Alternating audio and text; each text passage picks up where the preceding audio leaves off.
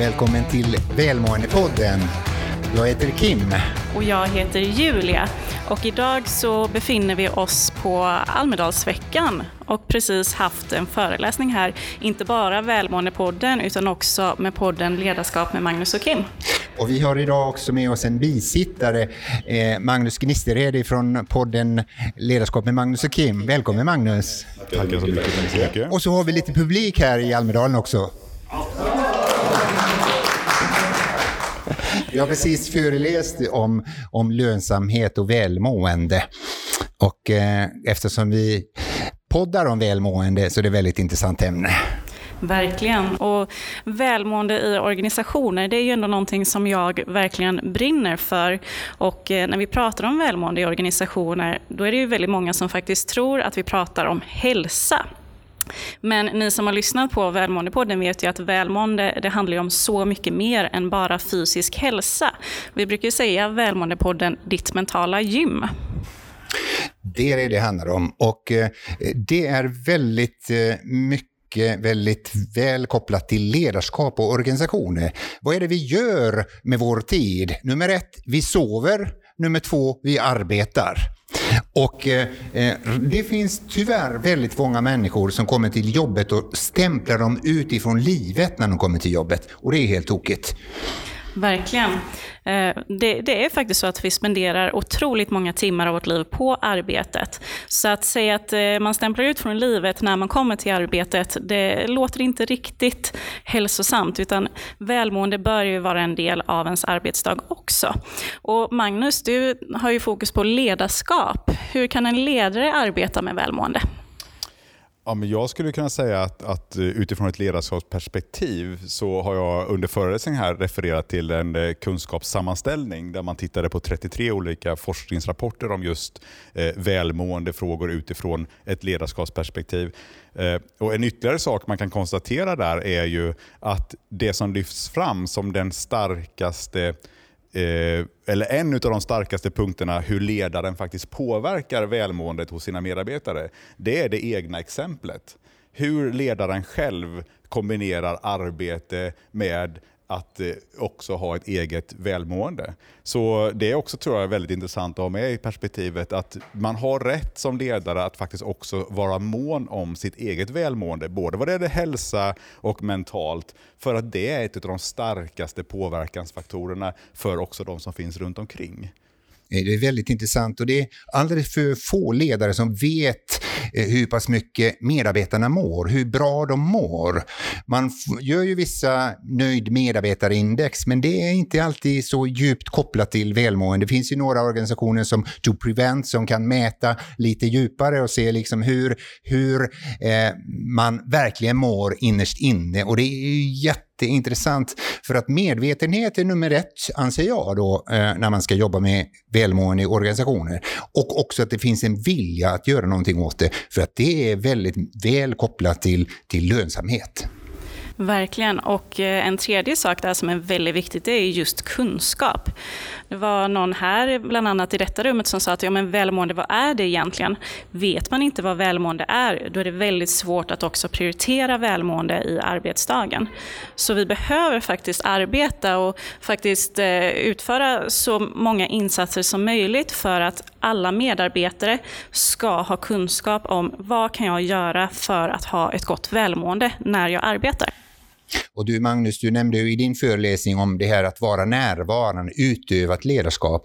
Jag hade en, ett samtal med en VD i ett företag för ett tag sedan som, som hade bestämt sig att han ska ha en halvtimme med varje eh, medlem i ledningsgruppen varje vecka vecka. Och jag sa no way, gör inte det. det blir ju, du har så många medlemmar i ledningsgruppen, om det tar en halvtimme så fungerar det väldigt bra ett par veckor. Sen så, så, så fortsätter det att ni börjar titta på klockan båda två, vad gör vi nu då? Utan eh, mitt råd var att istället för time management, jobba med energy management. Se till att du tillför energi i, i, i de kontakter. Ibland så tar det bara två minuter, ibland så kanske det tar två timmar. Och också ställ frågor frågan inte bara hur går det, utan hur mår du? Och om du får svaret, jag mår bra, ställ ytterligare frågan, vad beror det på? Det glömmer vi väldigt ofta. Om någon mår bra så lämnar vi det därhän. Men var intresserad och boosta upp. Du mår bra. Det måste ju finnas anledning till det. Där om jag får flika in så tänker jag att det skulle kunna finnas ytterligare ett ämne att ta upp i den dialogen. Och Det är ju att eh, som ledare ta initiativ till ett samtal som handlar om hur skapar vi välmående i vårt sammanhang. Men hur skapar vi också välmående i kombination med den prestation som förväntas av oss? Hur kan det vi gör, prestationen, det vi åstadkommer också boosta eller stärka vårt välmående? För det är ju det är ju djupt sammankopplat med att uppleva att jag bidrar med någonting, vi gör någonting positivt, vi lyckas med det resultat som vi är ute efter. Det stärker ju också välmåendet. Och det samtalet tror jag är ett viktigt initiativ för en ledare att ta. Mm, att medarbetaren ska ju kunna få den här insikten om egentligen vad, vad är det för mål jag kan bidra med i organisationen. För oftast när man pratar om mål och målsättning i organisationen så är det det här med stora Excel-ark och det, det är inte så inspirerande att uppnå de målen. Men när man känner som medarbetare att jag kommer in den här denna veckan till arbetet eh, och på fredag så ska jag ha uppnått det där och det kommer resultera i någonting som är meningsfullt, antingen för mina kollegor eller för våra kunder. Då blir det helt plötsligt ett annat, en annan energi i arbetet och även i relationer. För det är också när vi pratar om välmående så är ju just relationer en av de allra viktigaste faktorerna för att man ska må bra. Skapade relationer, det kan vara besvärligt. Igår hade vi ett väldigt intressant samtal med en HR-direktör med 16 000 anställda. Och han nämnde ju då, i vår ledningsgrupp eh, fungerar det jättebra, vi är engagerade och så vidare. Men hur ska vi kunna för all sin dag nå 16 000 pers som i sin tur når till slutkunderna? Och eh, en av de, tror jag, lösningar skulle kunna vara, tänk om man skulle börja utbilda eh, då coacher som jobbar med mental hälsa och i sin tur sprider då de som är ambassadörer för att okej, okay, vi ska se till att kollegorna mår bra och man ställer oftare frågan eh, hur mår du istället för hur går det?